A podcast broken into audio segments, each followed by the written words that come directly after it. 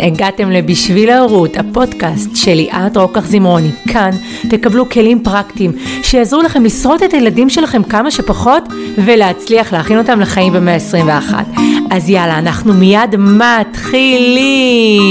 אסטרטגיות, אם דיברנו קודם על האסטרטגיות אה, שלי כהורה, ההורה המתאים, המורה המשווה, ההורה המפצה, גם הילדים שלי לומדים אסטרטגיות התמודדות בחיים, חברות וחברים יקרים. הם לומדים כלים, איך לנהל מערכות יחסים, איך להתמודד בתוך מערכת יחסי אחים, הם לומדים כלים איך להתמודד בחברה, הם לומדים כלים איך לנהל את המערכות יחסים עם בני זוג, במקום עבודה, מול הבוס, עם חברים שלהם.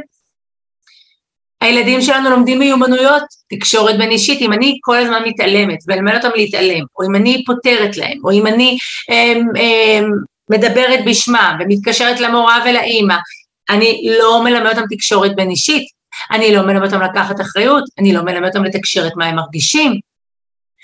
והכלים שהם לומדים בבית, בניהול מערכות יחסים ולהתמודד בחיים ולהגיע לדברים דרך מיומנויות של תקשורת בין אישית. לדבר, לשתף, להגיב, לקחת אחריות.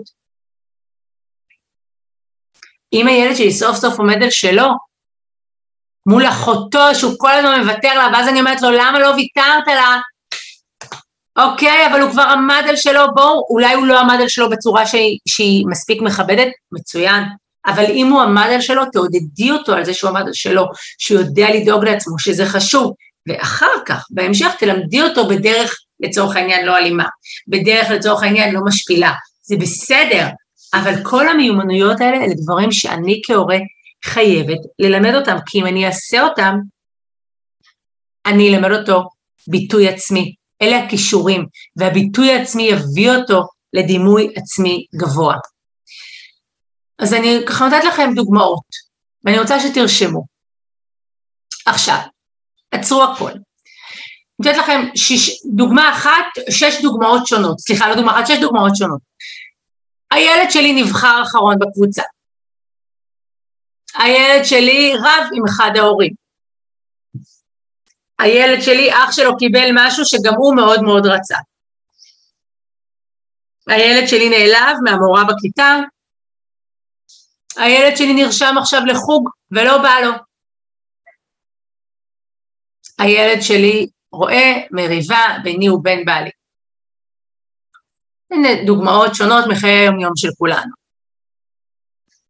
איך הוא מגיב תרשמו ממש איך הוא מגיב בכל סיטואציה, ואיך אתם מכוונים אותו להגיב. הסיטואציות של היום-יום של הילדים שלנו, איך שאנחנו מגיבים אליהם, איך שהם פותרים אותם, איך שהם מתמודדים בהם, זה מה שמפתח אצלם אסטרטגיית התמודדות.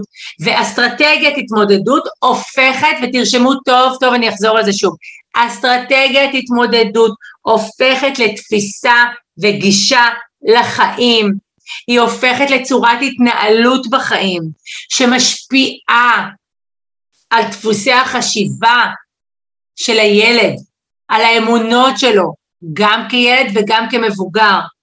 ולפעמים כל כך קשה לנו לשנות דפוסי חשיבה ואמונות אצל ילדים ומבוגרים, ואנחנו לא מבינים שאיפה שאנחנו צריכים לעזור להם, איפה שאנחנו צריכים לעשות את השינוי, זה דווקא באסטרטגיית התמודדות. זה דבר שאנחנו כהורים עוזרים להם לייצר אסטרטגיות התמודדות, אז כן, חשוב וכדאי להתחיל את זה מגיל צעיר, וכן, אם אתם מאזינים לזה עכשיו, תשתפו את כל החברים שלכם, שיאזינו לזה, ואם יש להם ילדים צעירים, אדרבה, אם יש להם תינוקות, מצוין, כי כל אחד ואחת מאיתנו כהורים חייבים להבין שאת אסטרטגיות התמודדות בחיים, שבעצם יוצרות בסופו של דבר את התפיסת עולם של הילד שלי ואת הדימוי העצמי שלו, את איך הוא תופס את עצמו, כולנו יוצרים ביחד, וזה הביטחון העצמי והדימוי העצמי של הילדים שלנו. ואני ככה אזרוק, אם בחרו אותו אחרון בקבוצה, אני יכולה להגיד לו שאני מבינה שזה מבאס ושזה מאכזב, וזה באמת באסה להיות אחרון, אבל זה חלק מהחיים, ולפעמים אנחנו אחרונים, ולפעמים אנחנו ראשונים, ולפעמים אנחנו באמצע, וזה טבעי. ובואו נחשוב מה יצא לנו טוב מזה. אם אח שלו קיבל משהו שהוא רצה מאוד, אני מבינה שזה מכווץ אותו. אני אומרת לו, אני מבינה, וואו, כמה רצית, אתה יודע מה זה, רק צריך ללמד אותך שתמשיך לרצות את זה, תמשיך להחזיק את הרצון, אל תוותר על הרצון גם אם עוד לא קיבלת את זה. בואו נחשוב על דרכים איך להשיג את זה, אולי לעבוד ולהרוויח כסף כדי להשיג את זה, אולי להתאמץ יותר בכדורגל כדי להשיג את זה, נניח אם עכשיו קיבל איזה תפקיד או, או, או ציון, בואו נחשוב מה אתה יכול לעשות כדי להשיג את זה, וכן, לפעמים, אני לא, אין לי הרבה מה לעשות, אז אני צריכה לעבוד על עצמי. אם אני נעלבתי מהמורה בכיתה, אני מבינה שזה היה מעליב. בוא תספר לי מה היה מעליב שם, מה זה גרם לך להרגיש, איזה מחשבות זה עורר בך. למה זה כל כך העליב אותך? לפעמים אנחנו נעלבים כשמשהו הוא נכון, ואנחנו, קשה לנו להודות שהוא נכון, וזה מעליב אותנו וזה מבאס אותנו. למשל, אם הוא נרשם לחוג ולא בא לו ללכת לחוג, אני מבינה שאתה סיימת, אבל מתוק שלי, כשאנחנו נרשמים משהו, אנחנו צריכים לסיים אותו, ואנחנו נלך כי אנחנו התחייבנו, וניקח בחשבון לשנה הבאה לאן להירשם ומה להחליט, אבל אתה צריך לסיים את החוג הזה.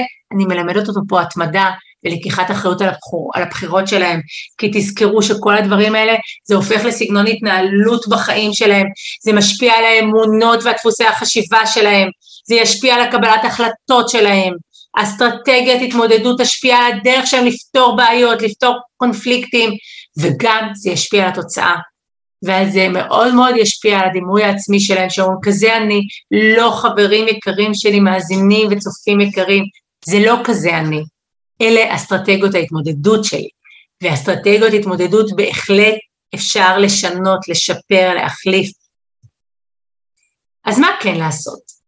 אז אחרי שזיהינו את האסטרטגיות שלנו כהורים, נזהה את האסטרטגיות של הילד שלנו, נבין שהן מעצבות את הדימוי העצמי, נשאל את עצמנו איפה זה משרת אותו להיות, אה, אה, לבכות במרכאות מכל דבר, או במרכאות, אני אומרת במרכאות כי, כי אני לא צובעת את הילדים בתכונה אחת, או להיעלב מכל דבר, או לשלוט בכל דבר, או איפה זה משרת, אני צריכה להבין כהורה איפה זה משרת את הילד שלי האסטרטגיה הזאת, ואז לנסות לעזור לו, להחליף אותה, תמיד לעודד אותו על דברים טובים וחיוביים, למצוא בכל סיטואציה, גם הכי קשה ונוראית, שיש מילה טובה, לא להוריד אותו, להתמקד בחיובי, תמיד לבחון את סגנון ההורות שלנו וללמוד מטעויות. אני רוצה לספר לכם, לפני כמה זמן לקחתי את אחד הילדים שלי, הלכתי איתו אה, בדרך ל, אה, לגן, והיה לפנינו ילד שהגיע עם חבילת ביסקוויטים, ואבא שלו הלך איתו והוא אמר לו, אני לא מבין את השטויות שלך, מה אתה מביא ביסקוויטים, הגננת גם ככה לא תיתן לך להכניס את זה, במין... וזה ביאס אותי, וזה כיווץ אותי, כי אני מבינה את אותו אבא. הגננת כנראה לא מרשה להכניס ביסקוויטים, מסיבות אלרגיה עד סיבות ווטאבר, זה בסדר גמור. אבל איך אפשר היה להגיד את זה לילד הזה אחרת? וואו, לצורך העניין נקרא לו נדב, איזה נדיב אתה, אוי, יצא לי נדב נדיב, וואו אסף, איזה נדיב אתה, כמה נחמד וטוב לראות שיש לך כזה לב רחב שבחרת וזכרת לקחת חבילת ביסקוויטים ולכבד את ילדי הגן. אני חושש שרוחמה הגננת לא תיתן לך להכניס את זה לגן, אבל אני מציע לך לשמור את זה בתיק, ואולי אחר הצהריים בגינה אפשר לכבד חברים. איך זאת התגובה ואיך זו התגובה. ותשאלו את עצמכם, איפה אתם נמצאים יותר ביום יום שלכם? איך אתם יוצרים לילד שלכם סביבה שבאמת מאפשרת לו לפתח את הדימוי העצמי הגבוה שלו? ככה. אתם פחות מתערבים ומאפשרים לו לטעות ומשחררים לו ומאפשרים לו לעשות את הדרך שלו. אתם יכולים לכוון. אתם בוחנים את האסטרטגיות שלכם, האם אתם משווים, האם אתם מתאימים, האם אתם מפצים, איזה הורים אתם באסטרטגיית התמודדות שלכם. הדבר השלישי זה שאתם מעצימים, אתם מעודדים, אתם מתמקדים בחיובי, ותזכרו, אנחנו תמיד תמיד בלמידה, תמיד בהתפתחות, תמיד עושים טעויות, ותמיד גם עושים את המקסימום שלנו בזמן נתון. ואני רוצה לתת לכם עכשיו ממש תרגיל לפני סיום. אפשר להתחיל כבר מעכשיו לעצב סביבה שתבסס דימוי עצמי גבוה. תתחילו בהתבוננות, שימו לב לאסטרטגיות, גם שלכם וגם של הילדים שלכם, ותיקחו חמש דקות. עם אחד הילדים, נסו לחשוב על סיטואציה של מריבה או קונפליקט שהייתה לו, עולה. באיזו אסטרטגיה הוא השתמש? באיזו אסטרטגיה אתם השתמשתם? כשאתם במריבה, באיזו אסטרטגיה אתם משתמשים? מה הילד לומד מכם? אני מציעה לכם לחזור על השיעור הזה שוב ולהאזין שוב פעם, כי יש פה הרבה מאוד תוכן והרבה מאוד פעמים בחיים שלנו שאנחנו שומעים משהו פעם אחת, אנחנו לומדים ממנו דבר אחד, ואחרי זמן מה שומעים אותו שוב ולומדים ממנו דבר אחר. אני רוצה להגיד לכם תודה שהייתם, שהקשבתם, שאתם שואלים, שאתם מגיבים בכל מדיות אפשריות, תמשיכו לעקוב אחריי באינסטגרם, ליאת רוקח זמרוני במילה אחת ובאנגלית, בפייסבוק אתם יכולים לעקוב אחריי, תיכנסו לאתר, תורידו את השאלונים, תיכנסו לפודקאסט של בשביל ההורות, ליאת רוקח זמרוני, תאזינו, יש הרבה תכנים, ובבקשה, אחת קטנה לי אליכם, תשתפו. תשתפו חברים, תשתפו הורים לילדים צעירים ובוגרים, קחו את הפודקאסט ותשתפו חברים נוספים. ביי, עד לפעם הבאה.